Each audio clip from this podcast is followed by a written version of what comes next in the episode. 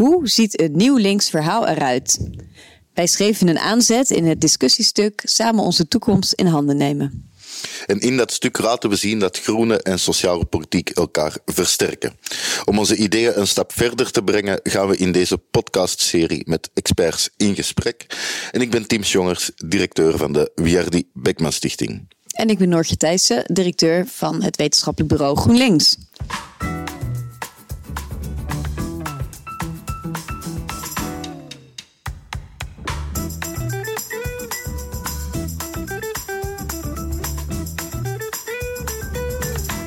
Gasten die in deze podcastserie bij ons aan tafel zitten, hebben allemaal een uitnodiging gekregen om hier aan deel te nemen, nog voordat het kabinet viel. Dus de context is soms een beetje anders uh, dan de huidige situatie. In wat weer al de achtste aflevering van de serie is, gaan we in gesprek over het ruimtelijke vraagstuk. Hoe zorgen we voor een leefbare toekomst in ons kleine randje? Het klinkt allemaal weer heel abstract, dus Noortje, wat bedoelen we daar eigenlijk mee? Ja, wat bedoelen we daarmee? Nou, ik zal uh, een paar zinnen uitlichten om een beeld te geven. Allereerst, te lang hebben we economische overwegingen doorslaggevend laten zijn voor de ruimtelijke inrichting. Ook schrijven we dit. Opgaven rondom de energietransitie en de woningbouw doen een stevig beroep op de schaarse ruimte in ons kleine land. Het is zaak dat we op een rechtvaardige manier omgaan met deze conflicterende ruimteclaims. Ook hier hebben we natuurlijk weer al uh, verschillende inspiratiebronnen voor gebruikt. En een rapport dat volgens mij ook heel invloedrijk is geweest, is het rapport Elke regio telt van onder andere de Raad voor Leefomgeving en Infrastructuur. En een van die raadsleden is Jantine Kriens en zij zit bij ons aan tafel. Uh, ook het boek De Toekomst van Nederland van architect en oud-rijksbouwmeester Floris Alkemade heeft ons denken zeer geprikkeld. Uh, het is een digitaal experiment vandaag, want Floris is zelf niet in de studio aanwezig, maar uh, belt wel in via je te on, uh, belt gewoon in. dus welkom beiden. Ja. Dankjewel. Ja, fijn dat jullie er zijn. jullie hebben het discussiestuk van tevoren gekregen. En we zijn gewoon hartstikke benieuwd wat jullie eerste indruk was toen jullie het lazen. Jantine, eerst jij. Uh, laat ik er twee dingen over zeggen. Eén is, ik ben het er ontzettend mee eens dat rood en groen verbonden moet worden. En dat je dat niet zonder elkaar kunt doen. Tegelijkertijd ben ik wel een hele ouderwetse sociaaldemocraat. Ik geloof dat ik zelfs gemaakt ben op uh, de Paasheuvel in Vierhouten, waar mijn beide ouders ASC'ers waren. En de kern van sociaaldemocratie waar ik mee opgroeide is dat je um, uh, de, de, de middengroepen uh, en de groepen die tekort gedaan worden, met elkaar verbonden blijft houden. En dat vind ik dus wel een zorg, ook in het programma dat jullie hebben neergelegd, van is dat begrip wel voldoende, is dat beseffen voldoende? En dan vind ik vervolgens dat er echt ook nog wel een verdiepingsslag nodig is, maar daar zijn jullie mee bezig, want vandaar deze podcast neem ik aan. En kun je dan uh, ons iets meer op weg helpen? Van waar zit jouw zorg? Wat, uh, wat, wat moeten we ja, beter formuleren? Of beter, uh, nou ja, de dingen geven? die je zojuist opnoemde, die zijn natuurlijk allemaal hartstikke waar. Uh, als je alle ambities bij elkaar optelt in de ruimte, dan, dan, dan weet je dus aan de voorkant al dat dat niet kan. Maar er zitten meer aspecten aan. Er zitten ook aspecten aan in hoe gaan we daar nou eigenlijk democratisch mee om? In hoeverre is de manier waarop wij besturen in Nederland nou een manier waarbij we ook invloed uit laten oefenen op hun eigen omgeving? Hebben we voldoende de verbeelding de ruimte gegeven? Ik denk dat Floris daar ongetwijfeld ook iets over, ook iets over zal zeggen. Beseffen we dit, dus de de opmerking van we hebben economie, hebben we de voorkeur laten aangegeven. Ja, dat is waar. En vandaag heeft de uh, minister van Binnenlandse Zaken haar reactie op ons rapport Elke regio telt gepubliceerd. En de eerste zin is dus dat de overheid de economie te veel maar ja, en nu? Wat betekent dat nou? Dat betekent dus dat je in die democratie enorm ingewikkelde afwegingen moet gaan maken over wat nou eigenlijk publiek belang is. En wie er beslist over wat publiek belang is. Wie er beslist over wat we mooi vinden en wat we niet, niet mooi vinden. En wat we niet meer doen. Waar we mee ophouden. Gaan we ophouden met de Mainpoort? Gaan we ophouden met de haven van Rotterdam? Omdat dat uiteindelijk veel meer ellende veroorzaakt. Nou ja, dat type van vragen, die gaan diep, die gaan ver. En als de, de linkse beweging, zeg ik dan nog maar even, uh, die niet gaat stellen. En daar dus ook echt vele lagen dieper gaat dan nu. En ook naar jullie stuk. Dan gaan we een groot probleem krijgen. Ook in de democratie in Nederland. Ja. Mooi. Ik, vind dat dit een soort uitdaging is uh, aan ons, maar ook uh, aan jou, Jantine, om ons daarmee ook in dit gesprek uh, op weg te helpen. Dus los van de vragen hoop ik ook van jou daar richting van antwoord op te krijgen. Floris, toen jij het stuk las, wat dacht jij? Nou, het is, ik vind het mooi om te zien dat er een soort ambitie aan het groeien is om op een heel andere manier naar ruimtelijke ordening te kijken. Vanuit hè, wat jullie rood en groen noemen. Waarbij ik als Rijksbouwmeester rood is meestal de definitie van bebouwing en groen van natuur. Dat is zo'n dubbele betekenis, zowel als politieke kleur als uh, agendering en de ruimtelijke ordening.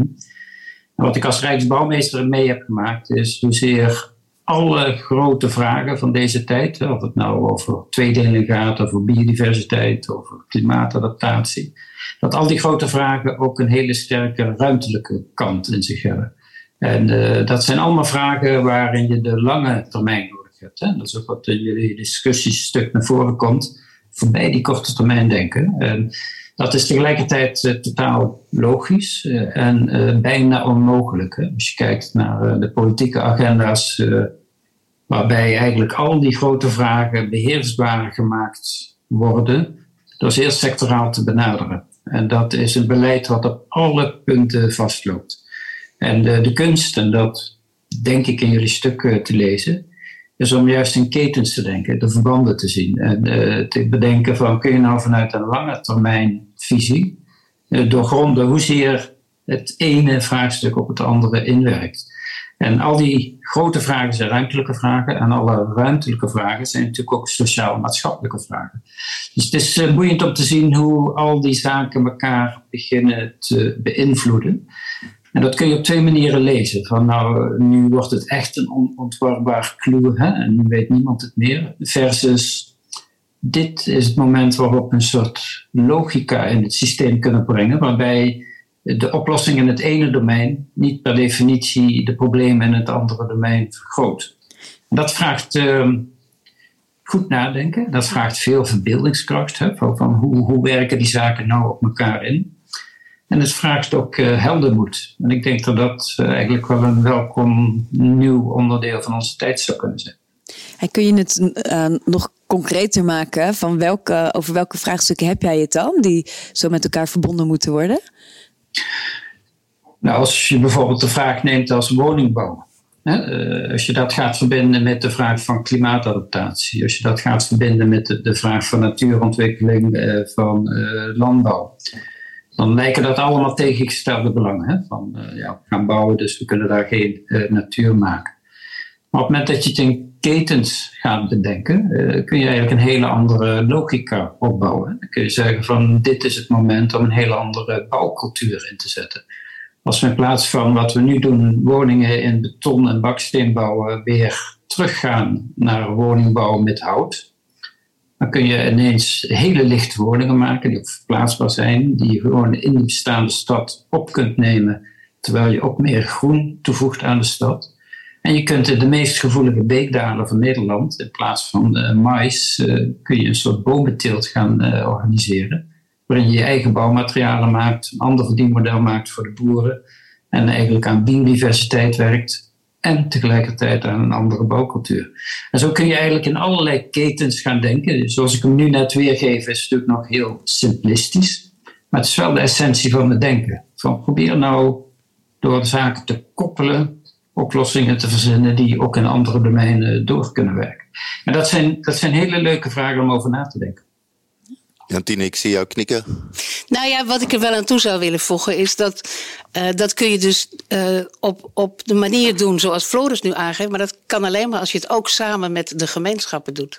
En dus zul je het ook in stukjes moeten doen. En niet alleen in een soort hoog over uh, verhaal neer moeten zetten, maar zul je het in een regio samen met de gemeenschappen die daar zijn. Hè? Je, je, ziet in, in, de, in sommige regio's in Nederland zie je dat ook gebeuren nu. De achterhoek bijvoorbeeld, die is zich zowel economisch als qua landbouw, als uh, de, de manier waarop ze daar met de woningbouw op willen gaan, zie je dat dingen heel vanzelf bij elkaar aan het komen zijn eigenlijk.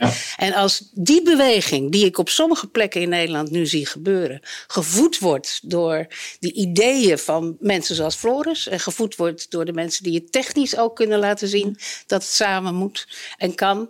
Uh, dan gaat er wat gebeuren in Nederland. Maar als er een kabinet komt straks dat hoog over gaat roepen dat er meer verbeeldingskracht moet komen en dat er uh, uh, synergie moet komen. En vervolgens ambtelijk blijft iedereen in zijn sectortje dan gaat die beweging in die gemeenschappen, in die regio's, die gaat weer dood. Maar wat gebeurt er dan in de Achterhoek? Wat, wat gebeuren daar voor mooie initiatieven? Nou, je ziet dat daar eh, eh, de, de, het bedrijfsleven, groepen bewoners en, de, en de, de, de politiek, die zitten daar bij elkaar. Die, die zijn ook echt bezig geweest van wat kenmerkt die Achterhoek van ons nou? En dan heb je een ander gesprek met de boeren daar. Want dan is het niet, je hebt de mensen van de natuur en je hebt de mensen van de boeren. Nee, wij zijn Achterhoekers. En wij Achterhoekers hebben een aantal opgaven hier in de achterhoek. En hoe kunnen we daar nou op de beste manier mee omgaan? Geef hen kennis. Zorg ervoor dat zij in staat gesteld worden om beweging te maken. Wees ook kritisch als dat de verkeerde kant op gaat. Want dat gesprek moet je wel hebben. Maar haal het niet van ze weg. Ja. ja. En, en wie? Uh, is het dan de, Rijksoverheid die dat uh, een beetje hè, in goede banen moet leiden? Of moeten dat dan ook allemaal veel meer op gaan knippen als op decentraal niveau? Laat het ze vooral zelf doen. En zorg ervoor dat je als Rijksoverheid laat zien wat er kan en wat er niet kan. Maar wat je, wat je natuurlijk heel vaak ziet gebeuren, en dat is ook een beetje hoe, hoe oud beleid gemaakt uh, is de afgelopen decennia. Uh, dat is dat we denken dat beleid uitgerold moet worden. En dat beleid dikke boeken zijn met enorm veel regelgeving en allocatie van middelen enzovoort. Um, uh, die niet verbindt met waar zijn die gemeenschappen nou eigenlijk mee bezig en wat is de beweging daar. Dus uh, de, de, de, het parlement zou uh, even met de handen uh, onder je moeten gaan zitten. Even niks doen. Even luisteren naar wat er eigenlijk gebeurt daar. En die zou de opdracht aan een kabinet moeten geven om al die ambtenaren met kennis bij de departementen te dwingen bij elkaar te gaan zitten. En ze niet af te rekenen op hun sectorbelang, maar ze af te rekenen of, of die mensen in de achterhoek er nou ook wat aan hebben. Ja. Maar als we. Ja, misschien, ja. Want als ik dat kan aanvullen, want ik denk inderdaad dat op dit moment het Rijk uh, eigenlijk eh, niet goed zijn rol definieert. Uh, ik vat het vaak samen, het Rijk moet eigenlijk zeggen wat er moet gebeuren. Die moeten kaders stellen, moeten kennis aanleveren, moeten het doelstelligen. Maar hoe dat moet worden gebeuren, dat moet je eigenlijk aan de regio's overlaten, aan de mensen zelf, aan de boeren. Die hebben kennis eh, van de gebieden, hebben kennis van hun vak. Wat je eigenlijk nu ziet, is dat precies het omgekeerde gebeurt. Dat het Rijk zegt hoe het moet gebeuren, maar eigenlijk geen verhaal heeft van wat willen we ermee gaan bereiken. Ja. Het zijn enkelvoudige doelstellingen, terwijl juist dat grote verhaal verteld moet worden. Wat, waar zijn we naar op weg? Wat, wat is eigenlijk onze ambitie? Wie willen we en wat willen we zijn als land? Dat is de taak van, van de overheid. En, uh, ik heb uh, als Rijksbouwmeester ook een prijsvraag gehad, Boeren, Brood en Spelen, waar we boeren aan ontwerpers koppelde. En dan, als je dan ziet wat voor een ideeënrijkdom er is. Hè? En uh, dat is een gesprek wat je kunt voeren. Maar niet als je vanaf boven inderdaad zegt van nou moet je dit gaan doen. Hè? Want vaak zijn de regels zo onredelijk, onrechtvaardig en, en zinloos. Uh, dat je ook niet kunt verwachten dat je daar meewerking krijgt. Hè? Dus die, die combinatie van heldere doelen stellen, maar de invulling overlaten aan lokale kennis. Ja, dat dat begrijp ik best, maar de uitdagingen zijn niet min. Er komt een verstedelijking op ons af, er komt een vergrijzing op ons af, een energietransitie, er is een woningtekort, of misschien te veel leegstand, dat zou ook kunnen. Uh, de landbouw moet in transitie, de natuur is in transitie. Uh, mobiliteit, die vraagstukken zijn ook enorm groot. En tegelijkertijd hoor je heel vaak, Nederland is vol. En uh, Nederland is te klein, hoor je ja, ook. Te klein, ja. Hoe gaan we dit allemaal hoe kunnen we dit allemaal op ons, in ons kleine randje een plek geven? En hoe moeten we dat dan doen? Ik hoor zeggen, oké, mensen betrekken. Maar er moeten ook kaders komen. En het is gewoon, ja, het is gewoon heel veel tegelijkertijd. Ja? Nee, maar Nederland, Nederland is helemaal niet te klein. Nederland is een groot land, we hebben heel veel ruimte. Nederland bouwt in de laagste stedelijke dichtheid van heel Europa. Op het moment dat we zeggen van de, we hebben 8 miljoen woningen. Als we onze woonwijken met 10% verdichten, ontwerptechnisch heel eenvoudig, heb je al 800.000 woningen.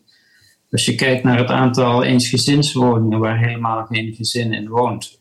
Als je daar een derde van zou splitsen, bij mensen die dat ook willen, dan heb je nog eens 800.000 woningen. Dus je kunt op een hele andere manier naar die bouwopgave kijken.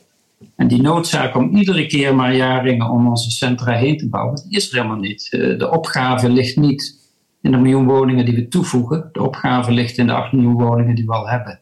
We bouwen geen woningen, maar we bouwen woonomgevingen. En hoe gaan we daarom werken? En dat zijn eigenlijk vragen waarbij, hè, wat je net even opnoemde, Tim, uh, al die grote vragen. Dat zijn enorme problemen als we blijven doen wat we deden. Maar het zijn prachtige motoren om allerlei veranderingen in gang te zetten, waar we heel veel plezier in kunnen beleven. Nou ja, en, ik wil alleen maar toevoegen weer, want ik ben het zeer met, uh, met Floris eens. Uh, uh, je moet daarbij dus ook het oog hebben voor de verschillen. Want die vraagstukken die doen zich heel anders voor in Zeeuws-Vlaanderen dan dat ze zich in Noordoost-Groningen voordoen. Dus alleen als je van daaruit gaat kijken hoe doet dat vraagstuk zich hier nou voor. En soms ook weer vraagstukken die we nog niet bedacht hadden, die zich wel voordoen. 600 kinderen in Zeeuws-Vlaanderen gaan eigenlijk in België naar school. Vinden we dat erg of heel veel ouderen maken gebruik van de ouderenzorg in uh, Belgische ouderen maken gebruik van de oude, ouderenzorg in zelfs Vlaanderen. Uh, de aanrijdtijd voor de wijkverpleging is in zelfs Vlaanderen heel veel meer dan dat die in uh, Rotterdam is. waarom maken we daar enorm voor? Is dat niet een beetje raar? dus, dus de manier waarop je kijkt, de bril die je opzet, is de bril zoals Floris die, die neerzet, maar begint met durf verschil te maken. Durf te zien dat er verschil ook in Nederland is. Ik heb net negen weken lang door Nederland gevaren. En ik heb weer aan de lijve ervaren hoe ongelooflijk veel prachtige leegte er in Nederland is. En het is precies wat hij zegt. Als je 5 of 10 procent van die ruimte die daar nu is zou benutten voor op een andere manier ernaar kijken, dan heb je al heel veel problemen opgelost. Ja, en ik hoor jou prachtige leegte zeggen.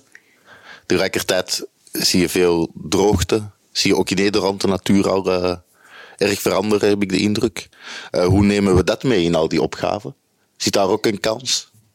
Ja, zeker. Ik heb afgelopen jaar ook in de commissie droogte gezeten voor, voor Noord-Brabant. Om te kijken van wat je dan moet doen om uh, daar uh, een antwoord op te bieden. En eigenlijk is dat helemaal vervat ook wat je nu ziet naar voren komen het beleid om bodem en water sturend te maken. Dat is een van de beste beleidsbrieven die ik in lange tijd gezien heb. Maar het is ontzettend moeilijk om dat ook echt serieus uit te gaan voeren. Want dan wat moet je betekent dat dan? Kun je dat uitleggen, Floris? Nou, tot nu toe hebben we eigenlijk ons land zo ingericht, uh, de functie bepaalt de bodem. Dus als we zeggen, we willen daar mais, of we willen daar dit, of we willen daar dat, dan wordt de bodem en de waterstructuur eraan gepast. Hè. Je gaat gewoon malen, et cetera.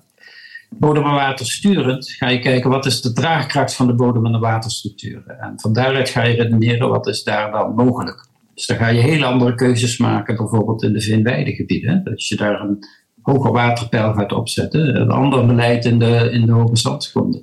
Weer een ander beleid in de klei. En, in de, en dat is eigenlijk heel interessant, want de logica die je dan ontwikkelt, is eigenlijk de logica die dat landschap van oudsher heeft. En vaak wordt dan gezegd van, oh jee, dan moeten we landbouwgronden gaan opgeven, want we moeten water vasthouden. Uh, we gaan geen gronden opgeven. We gaan de meest fabuleus mooie waterlandschappen eh, creëren die, uh, die je op deze wereld kunt bedenken. Landschappen van Rembrandt. Dat water vasthouden, dat dient zoveel doelen. Dat dient zowel hittestress, de ecologie, de klimaatadaptatie, et cetera. Dus eigenlijk achter al die grote vragen, op het moment dat we de juiste antwoorden maken, schuilen enorme prachtige verbeteringen. En wat mij iedere keer opvalt is dat iedere grote vraag als een probleem wordt gedefinieerd, maar nooit wordt gedefinieerd, oké, maar wat gaan we er nou eigenlijk mee winnen als we de juiste antwoorden geven? want je noemde net vergrijzing. Ik, ik zeg ook altijd van laten we nou eens ophouden om vergrijzing te benoemen als een op te lossen probleem. Vergrijzing is een zegen. Het feit dat we er voor het grootste deel allemaal tien jaar bij krijgen, is fantastisch. Als Rijksbouwmeester, ik ben het hele land door geweest bij al die organisaties, et. Iedere keer is het verhaal hetzelfde. We hebben eigenlijk te weinig geld, we kunnen eigenlijk dit niet doen. Maar we hebben een heel leger aan vrijwilligers en dankzij hen kunnen we dit allemaal doen. dat is voor een groot gedeelte die vergrijzing. En uh, ik heb wel eens een essay geschreven, de emancipatie van de periferieën, wat over de regio's ging. Maar ik denk ook een essay over eh, de emancipatie van het vrijwilligerswerk. Uh, zou een goed thema zijn. Als je bedenkt, hè, het, intelligente werk wat nu dankzij de vergrijzing mogelijk is, buiten de normale economische circuits, eh, dat is een enorme maatschappelijke potentie. En natuurlijk zitten er ook zorgkosten aan. Maar ik heb wel eens voorgesteld van als we nou eens 1% van de zorggelden besteden aan onderwijs voor mensen die net gepensioneerd zijn. Dus je gaat met pensioen en je krijgt aangeboden een opleiding om nog eens te studeren op dat wat je echt interesseert. Ik ben er zeker van dat we dit 1% zorggelden in veelvoud terug gaan winnen. Als mensen zich betrokken voelen, zich verdiepen in dat wat ze echt fascineert en waar ze zeg maar, hun kennis op willen delen, dan kunnen we er nog veel aan winnen. En zo denk ik dat we met al die grote problemen moeten leren omgaan. Van als we de vraag anders definiëren, zie je misschien een hele keten mogelijkheden opdoen, daar waar we nu alleen maar problemen zien. Maar wat daar ook weer onder zit, en dat hoorde ik jullie allebei ook in het begin vertellen, is dat er enorm behoefte is aan een lange termijn perspectief. Op al die uitdagingen of al die kansen, moet ik zeggen, Floris. Ik uh, ga proberen te praten in termen van kansen. Uh, is er nu dan totaal geen lange termijn perspectief? En om dat dan te bekomen, om dat misschien zelfs te verankeren in, in beleid, hoe, hoe doen we dat dan? Ik denk dat nou, hier... Ja, Jantien? Ja, ga je gang, ja, zo. Ik, ik denk echt dat hier een ongelooflijk belangrijke opdracht voor jullie ook ligt. Want wat ik in ieder geval ervaar, na heel lang in de overheid gewerkt te hebben, zowel als politicus als als ambtenaar, is wat ik heel erg mis op dit moment, is dat politieke partijen geen ideeënmachines met programma's voor de toekomst meer zijn.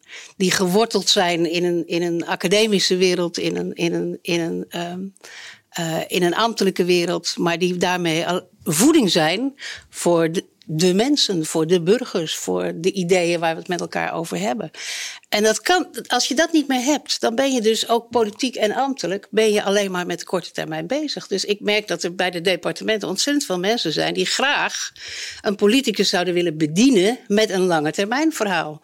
En er zijn zelfs ambtenaren die zeggen: zullen we proberen om dat dan zo te doen dat we verschillende scenario's die bij verschillende waarden horen. Want dan kunnen we tegen de politicus zeggen: van nou, dit hoort bij jouw waarden en dat hoort bij jouw waarden. In een poging om maar tot lange termijn perspectieven te komen. Als jullie in staat zouden zijn om een lange termijn perspectief neer te zetten, wat een anker biedt voor politici in de komende periode, dan heb je daar heel belangrijk werk in gedaan we gaan ons best doen. ik voel eh, de druk. ja, ik ook wel ondertussen. Ja. Nee, maar ik denk, ik denk dat dat inderdaad het verhaal moet zijn. Hè? Want uh, als je kijkt naar de grote machten die de wereld besturen, dat is natuurlijk politiek en de marktwerking. Hè? Politiek is gevangen in een vierjaarsritme van, van verkiezingen, waarin je en grote beloftes en ook iets voor elkaar moet zien te krijgen. De markt denken, ja, return on investment van, van meer dan een jaar is al bijna een onneembare orde. Terwijl die grote vragen van nu vragen juist die lange termijn, vragen die integrale blik. En uh, dat is natuurlijk waar, waar het verhaal nu over opgebouwd moet worden. De afgelopen decennia, afgelopen misschien wel sinds de industriële revolutie, zijn we steeds groter, sterker, machtiger, welvarender geworden. Door te blijven doen wat we altijd al deden. Alleen met meer machines, met meer rekenkracht, met meer et cetera. Uh, het boeiende van deze tijd is dat al die systemen aan het vastlopen zijn. Dus dit is een moment waarop de transitie, vooral een transitie moet zijn in het denken. Van, wat, wat willen we nou eigenlijk? Uiteindelijk, uh, we kunnen alles, maar het definiëren van wat willen we, dat is een vraag die een heel ander perspectief, een heel ander verhaal uh, en veel meer verbeeldingskracht vraagt.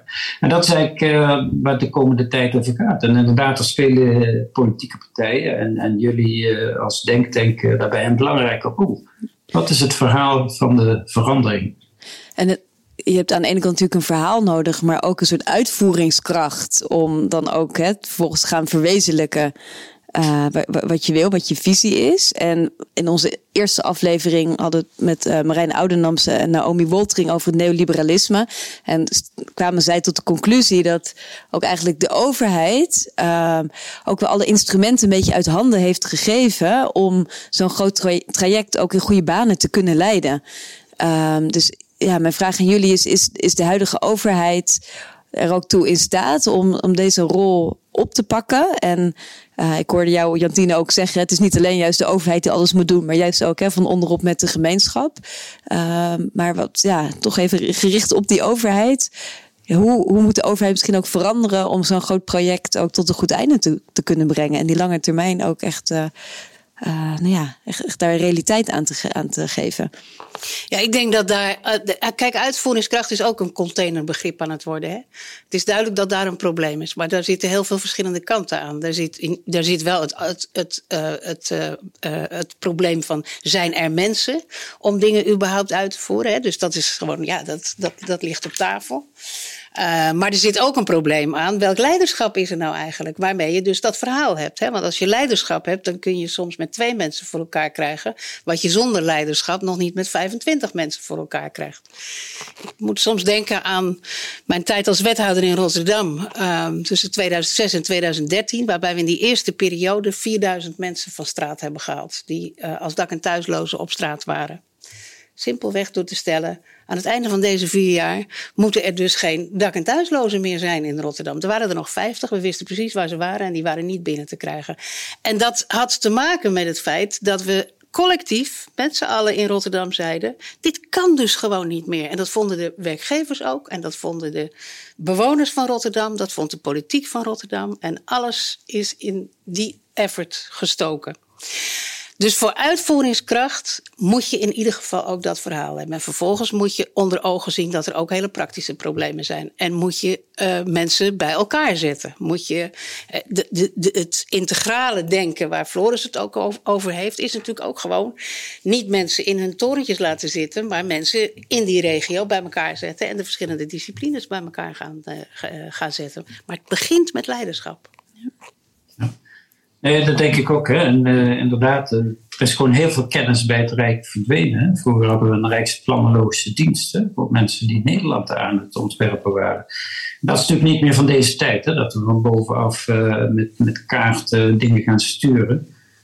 Maar toch, hè, als je kijkt naar de grote energienetwerken, et cetera, er zijn een aantal logistieke zaken die het Rijk gewoon moet regelen. En Daarnaast is natuurlijk de kunst om alle overheidslagen goed met elkaar samen te laten werken. Ik denk eh, dat het belang van de provincies eh, op dit moment eh, enorm aan het groeien is, omdat ze juist die schakel zijn tussen de doelstellingen van het Rijk en het uitvoeringskracht, als ik het containerbegrip nog even mag gebruiken, die bij heel veel gemeentes gewoon ontbreekt. Die gemeentelijke diensten zijn ook allemaal uitgekleed. En dan moeten ze ineens klimaatadaptatie, energietransitie, ze moeten de boeren rustig houden, et cetera. Dat zijn grote vragen. En ik denk dat het Rijk uh, het vooral ook moet ondersteunen met kennis, uh, met mogelijkheden, uh, kijken welke agendas er gevoerd kunnen worden. ik heb met wethouders gesproken van, van grote gemeentes. Die zeiden van ja, ik, ik ben met allerlei programma's bezig.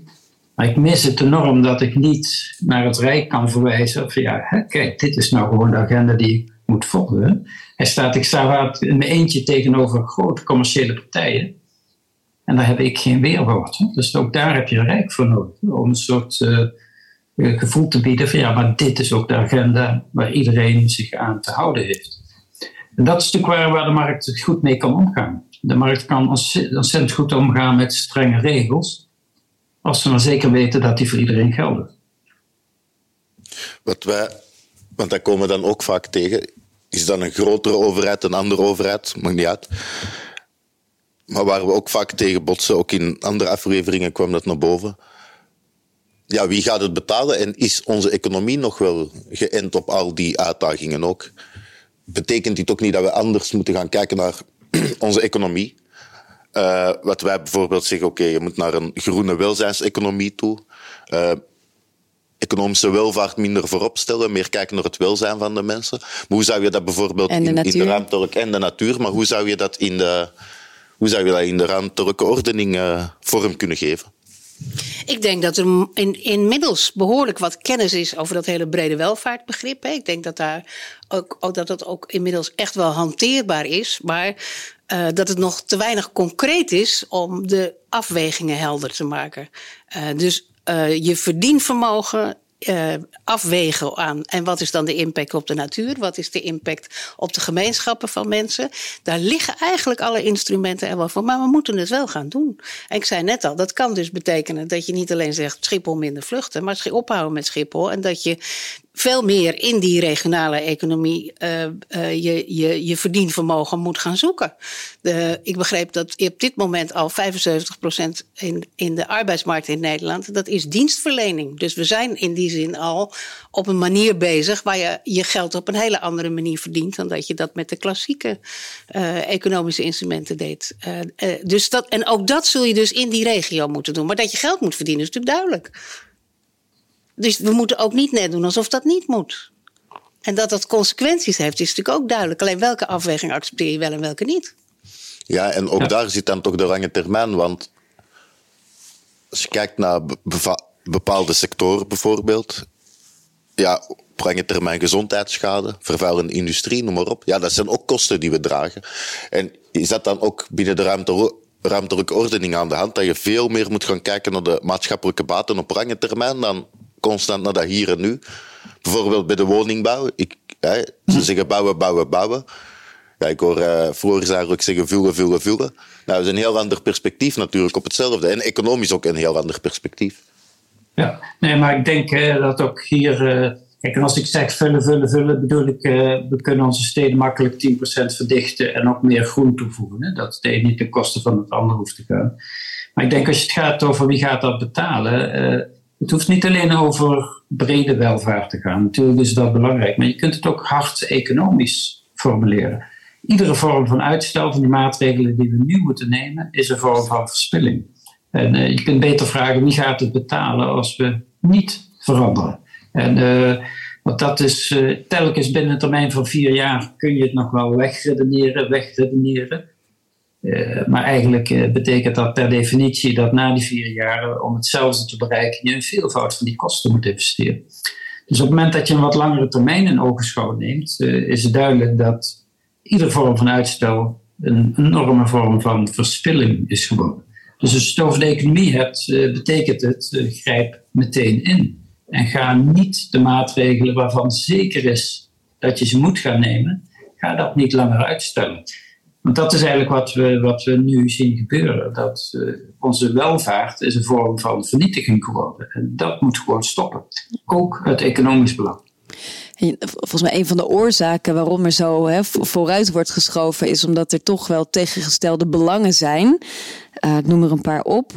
Um, boeren versus natuur, uh, maar ook natuur versus woningen. Het kwam net al even voorbij. windmolens versus vogels. Nou ja, er zijn heel veel nou ja, in het oog springend tegenstelde belangen. En daardoor komen we er niet uit, lijkt wel. Hoe doorbreken we deze padstellingen? Daar hadden we toch politiek en democratie voor. Want dat er tegengestelde belangen zijn, dat is van alle tijden. Dus waar het om gaat, is hoe we de afweging tussen al die tegengestelde uh, belangen maken. En als we dat alleen maar doen op basis van focusgroepen en op basis van word ik wel of niet gekozen, ja, dan ga je dus krijgen wat Floris net zegt, dat er een enorme hoeveelheid geld gaat kosten naar de toekomst toe.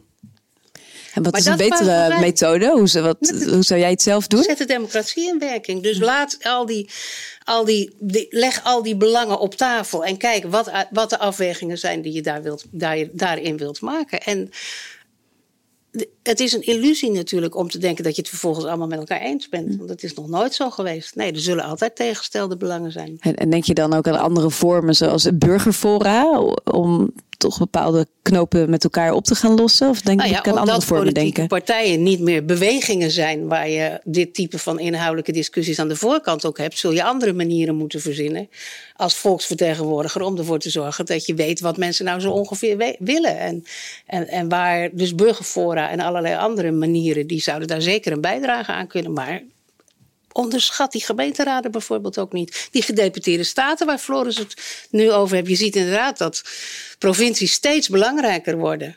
Maar welke discussie vindt er nu in gedeputeerde staten plaats? Gaan die belangenafweging daar op een goede manier? Of zitten we vier jaar de ene keer de ene kant op en de andere keer de andere kant op te gaan? Ja. Ik, ik denk, hè, ook daar is het, uh, wat zijn de tegengestelde belangen? Ik, ik, spreek veel met boeren. Ik zit op het Brabantse platteland en uh, ik heb veel contact ook met de boerenorganisaties. Ik heb die prijsvraag gehad, brood spelen, met allerlei boeren gesproken. Ik kom geen één boer tegen die zegt: Ik wil mijn land slechter achterlaten dan dat ik het kreeg. Uh, ze zijn allemaal bezig om te bedenken: hoe kunnen we veranderen? Hoe kunnen we zaken anders doen? En, de tegengestelde belangen zijn vooral te vinden bij de inkoopbureaus van de supermarkten, bij eh, de veevoederbedrijven, bij eh, de banken. De boeren zitten in de fuik, die zitten in de klem. Eh, ongeveer de helft van de boeren leeft tegen de armoedegrens aan. Zij profiteren niet van dit systeem. Ik vind eigenlijk heel schrijnend dat ze nu in de handen gedreven worden van partijen die iedere verandering wil stoppen. Ik denk uh, GroenLinks, Partij van de Arbeid, uh, dit is het moment om jullie als een boerenpartij te positioneren. Vertel het verhaal van hoe we de landbouwsubsidies zo kunnen gaan inzetten, dat ook het boerenbelang wordt gediend en dat voedselproductie en natuurontwikkeling op heel veel terreinen gewoon kunnen samenvallen. Ook hier is het weer het, verhaal wordt verteld, de belangen zijn tegengesteld en we gaan hard tegen hard uitspelen. Terwijl er ook een totaal ander verhaal is te vertellen en dat is eigenlijk het verhaal wat ik iedere keer hoor als ik bij een boerenfamilie wel aan de keukentafel zit. Maar daarmee zeg je dus, en dat ben ik heel erg met je eens, dat je als, als linkse beweging dat belang ook moet definiëren. Dus niet, niet alleen maar kijken naar tegengestelde belangen, maar definiëren dat dat nou juist het belang is van zowel de boeren als de burgers, uh, dat we uh, de wereld beter achterlaten dan dat we het nu doen. Nee, en dat is natuurlijk het belang wat bij die boeren al lang herkend Precies, wordt. Ja. Kijk, maar ze worden nu zo, ze voelen zich zo geschoffeerd dat het komt tegen het krip gaat. Ja. Terwijl ze allemaal op zoek zijn van, is er ook een ander verhaal? En dat verhaal krijgen ze niet van Farmers Defence Force. Dat krijgen ze niet van de BBB. Er moet een ander verhaal naar boven komen. En dat uh, verhaal valt te vertellen. En dat is natuurlijk iets wat uh, inderdaad in blik op de regio ook een besef van uh, dat dat niet alleen mensen zijn die overal tegen zijn, maar mensen die volledig in de klem zitten en op dit moment hulp nodig hebben. Ja. Maar als je, als je bijvoorbeeld kijkt, we kunnen het verhaal vertellen, duurzame energie is heel belangrijk. Ik denk dat iedereen daar uh, eh, 100% mee eens is. En dan moeten er uh, windmolens komen. En dan krijg je NIMBY, not in my backyard. Hoe ga je daar dan mee om? Ja, maar dat, is, weet je, dat, is ook, dat vind ik ook een beetje een mantra aan het worden. Er staan natuurlijk een heleboel windmolens uh, inmiddels al. En er is inderdaad in Drenthe is er een ontzettend groot probleem geweest. Omdat een boer daar land had uh, uh, verkocht waar windmolens over opgezet werden. Die niet goed. Dat was gewoon ook met de omgeving niet goed overlegd. En daar zaten allemaal dingen onder waarin je ook zag dat de lokale democratie niet goed gewerkt had. En mensen zich in de maling genomen voelden. Maar als je kijkt naar het grote geheel, dan is het natuurlijk het feit dat we windmolens op zee aan het bouwen zijn. Dat, dat is het feit dat je allerlei uh, coöperaties op het ogenblik krijgt waar mensen zelf energie opwekken. Uh, en op het moment natuurlijk dat het in die coöperatie gebeurt, in dat collectief ook weer gebeurt, uh, dan is het al heel anders als er windmolens staan. Dus ik zie meer positieve dan NIMBY-gedragingen op het ogenblik. En misschien als ik daar nog iets over mag zeggen, wat mij betreft is dat ook wel een van de allergrootste uitdagingen naar de komende periode toe. Um, de politiek is zo een politiek voor individuen geworden. Uh, terwijl mensen helemaal niet als individu leven. Niemand groeit op als individu. Niemand leeft als individu. Uh, maar we hebben al onze systemen gezet op wat betekent dat voor het individu. Terwijl de kracht van onze samenleving zit hem in het collectief. En de toegevoegde waarde van de politiek zit hem ook in het collectief. En daar zul je dus veel en veel meer aan moeten doen. Ik, ik, ik, ook, ik, eh, we zijn het verrassend veel met elkaar eens geweest. Nou. Maar, uh, Jullie uh, spreken met één mond. Terwijl we elkaar ja, helemaal nee, niet zo vaak ik, ik vind spreken. Ook, oh, grappig. Ja. ja. nee, maar die, die energietransitie, het is ongelooflijk hoe snel uh, dat rendabel wordt. Hè? Die, die windparken op zee, fascinerend hoe snel dat gaat. Als je kijkt naar het, de toename van het rendement van de opgewekte stroom via zonnepanelen. Fantastisch, hè? Maar ook daar het beleid hè, van, van voorkom nou dat we goede landbouwgrond onderleggen met panelen. Je legt een industriële laag over het landschap heen.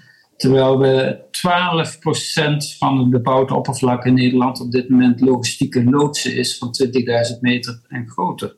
En daar liggen geen zonnepanelen op. Hè, van, en dat zijn natuurlijk weer wet en regelgevingen waarin je een heleboel zaken aan elkaar kunt koppelen. Maar dan moeten er keuzes gemaakt worden. Dan moet er beleid gevoerd worden. En dat kan. Ja, en dat is dan bijzonder, want ik woon in een uh, naoorlogse wijk. Allemaal portiekwoningen, allemaal platte daken. Ja, geen enkel zonnepaneel in heel die straat. En het is een lange straat hoor. Maar de mensen kunnen het ook gewoon niet betalen. Zo simpel is het dan ook weer al. En tuurlijk, we begrijpen allemaal dat dat snel goedkoper gaat worden. Maar ook daar is weer, heb ik het gevoel van, ja, het ontbreekt ons aan verbeeldingskracht, om het zo maar even te noemen. Want het is toch gek dat, dat een lange straat met wat is 600 woningen, allemaal platte daken, geen enkel zonnepaneel. Zijn het corporatiewoningen? Nee, nee, het zijn geen corporatiewoningen. Het is gewoon uh, het onderste segment. Ja. ja, het is het onderste segment. Dus. Ja. Ik, ik hoorde laatst van een mooi experiment Rivierenland, waarin ze ook een aantal sociaal zwakkere Leiden wijken mensen hebben opgeleid, die gewoon bij iedereen op bezoek gaan om te vertellen wat zijn nou de mogelijkheden. En er zijn mensen uit de wijk zelf die ze daarvoor hebben opgeleid. Want je moet niet onderschatten hoe complex het is op het moment dat je je woning wilt verduurzamen. Zoals het over isoleren gaat, of van het gas af, of een zonnepaneel. Eh, voor ons is dat te bevatten, we kennen de wegen. Maar voor de meeste mensen is dat een totaal ongrijpbaar domein. Mensen onderschatten ook niet het effect van die toeslagenaffaire. Mensen zijn bang om subsidie uit te vragen. Ze denken van ja, maar wat, wat krijg ik daarna dan over me heen? En dus uh, daar, daar hoort gewoon uh, hulp bij. En dat is natuurlijk ook een fantastische manier om de sociale samenhang in een wijk te verbeteren en te versterken. En koppel dat dan ook aan een programma van schuldhulpverlening. En koppel dat aan een programma tegen vereenzamingen. Zie het als één opgave waarin we de wijken gaan aanpakken. En ga ze dan ook wapenen tegen hittestress. En ga zorgen dat je met een verdichting met houten woningen bovenop de stad woonvormen biedt ook voor de kinderen die dan niet naar een andere stad hoeven. Dus je kunt eigenlijk al die vragen iedere keer weer als een hele mooie samenhangende ontwerpvraag uh, zien. Maar ga dan in gesprek met de bewoners en probeer te begrijpen wat zij niet zien en wat zij niet kunnen begrijpen. Ik zie Jantine hier weer uh, driftig knikken. Nou ja, als ik jullie nog een suggestie ja. Misschien heb je er al gesproken hoor. Maar Marije van den Berg heeft een geweldig boekje geschreven. over hoe we de beleidsbubbel liefdevol leeg moeten laten lopen. door dingen ook weer terug te geven aan de collectieven, aan de gemeenschappen. Ja. En dat is eigenlijk precies zoals Floris het ook neerzet. En ik vind dat zij een heel mooi handelingsperspectief ook daarin biedt. Dus als jullie haar nog niet gesproken hebben, raad ik aan om uit haar nog een podcast te maken. Goede tip. Nou, ik heb uh, contact met haar, dus dat, uh, dat moet wel lukken. Dat komt goed. Nog een vraag aan jou, uh, Jantine. Want in jullie rapport hè, van de RLI Elke Regio Telt... schrijven jullie dat de verschillen ook heel groot zijn tussen regio's... en ook de brede welvaartsverschillen ook echt aan het verdiepen zijn, aan het toenemen zijn. En dat dan de reflex heel vaak is vanuit de overheid van, nou dan moeten we gaan compenseren daar waar het niet goed gaat. En jullie pleiten echt voor een, een investeringsagenda. Kun je uh, kort uitleggen wat jullie daarmee bedoelen? Nou ja, wat je, wat je ziet is dat uh, regiobeleid in Nederland hoogstens pleisters plakken is. Overigens uh, is de, de achterstanden en de onrechtvaardigheid die hem daarin zit, is zich natuurlijk niet beperkt tot de regio's uh, waar we het over hebben. Die zit ook in de grote steden. Alleen je ziet dat in beleidszin daar in de afgelopen jaren wel een heleboel aandacht voor is geweest. Terwijl dat voor de onrechtvaardigheden in die regio's niet gebeurd is. En dat is dus ons pleidooi. En wat je ziet wat dan wel gebeurd is, dat is pleisters plakken. Dat is tijdelijk dingen organiseren. Um, en à la Rotterdam-Zuid-programma zou je moeten zeggen... nee, we gaan nu echt met een investeringsprogramma aan de slag... waar je je aan committeert als nationale overheid voor minstens 20 jaar. Wat gebeurt er daar in Rotterdam-Zuid? Om het even ja, ons een beeld te geven. Hoeveel tijd heb je, zou ik zeggen. Maar... Uh, in Rotterdam, in Rotterdam Zuid heb je nu 200.000 mensen, dus dat is met elkaar een hele grote stad, die, die, um, uh, nou, waar de schuldenproblematiek, waar alle maatschappelijke problematieken waar je het maar over hebt, uh, die, die zitten daar in Rotterdam Zuid. En wat in ieder geval geprobeerd wordt, om zowel vanuit het onderwijs als vanuit de huisvesting, uh, huisjesmelkers wegkrijgen, verduurzamen van de huizen, de werkgelegenheidsafspraken met de havenbedrijven maken, zodat kinderen vanuit school meteen aan het werk kunnen. Nou, zo kan ik nog een heleboel meer dingen uh, benoemen. Maar uh, integraal dus kijken in Rotterdam Zuid en zeggen: dit is niet alleen een zaak van de gemeente Rotterdam, maar dit is ook een zaak van de nationale overheid. Dit is een nationaal programma. En beide verbinden zich voor een periode van minstens 20 jaar aan de uitvoering van dat programma. Maar dat niet alleen, ook de corporaties, de schoolbesturen, die hebben zich allemaal gecommitteerd aan dat programma. Ja, en dat is een nationaal programma. We, we, hebben er ondertussen 23 van, als ik me niet vergis. Hero Noord, uh, Den Haag Zuidwest. Ja. Nou, dat zegt ook wel wat, dat je 23 nationale programma's uh, nodig hebt. Ja. En ook daar, ik hoorde Ron Meijer, de directeur van het nationale programma Hero Noord, ooit zeggen: we zijn een nationaal programma met een stedelijk budget. Ja, nou ja, maar daar zie je ook. Rotterdam-Zuid heeft dat, uh, doordat het wat eerder begonnen is, ietsje minder. Die hebben ietsje minder budget. Maar daar geldt ook nog steeds voor dat je veel substantiëler zou moeten uh, kiezen voor investeren daar. Uh, en dat geldt voor Heren nog veel sterker. Want de, ja, die hebben echt beperkt budget. Dus die zijn wel tot nationaal programma benoemd. Maar met lege dozen soms. Ja. ja. Nou, ik denk, hè, kijk, kijk ook eens naar die atlas van afgehaakt Nederland. Ja. Van, van de Voogd, van, van hoe dat zit. En uh, want als je kijkt naar uh, gewoon al die publieke voorzieningen, openbaar vervoer, uh, hoe agenten over het land verdeeld worden, hoe cultuursubsidies verdeeld worden over het land.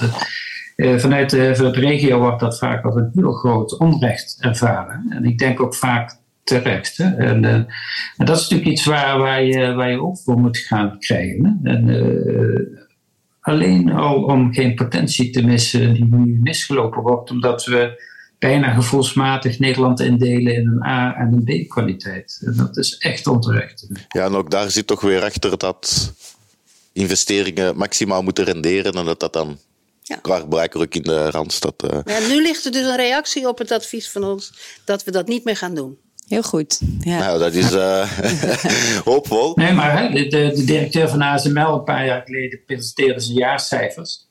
En zei, kijk eens wat wij nu als bedrijf, als regio aan belasting betalen. En waarom is er geen Rijksmuseum onder de rivieren?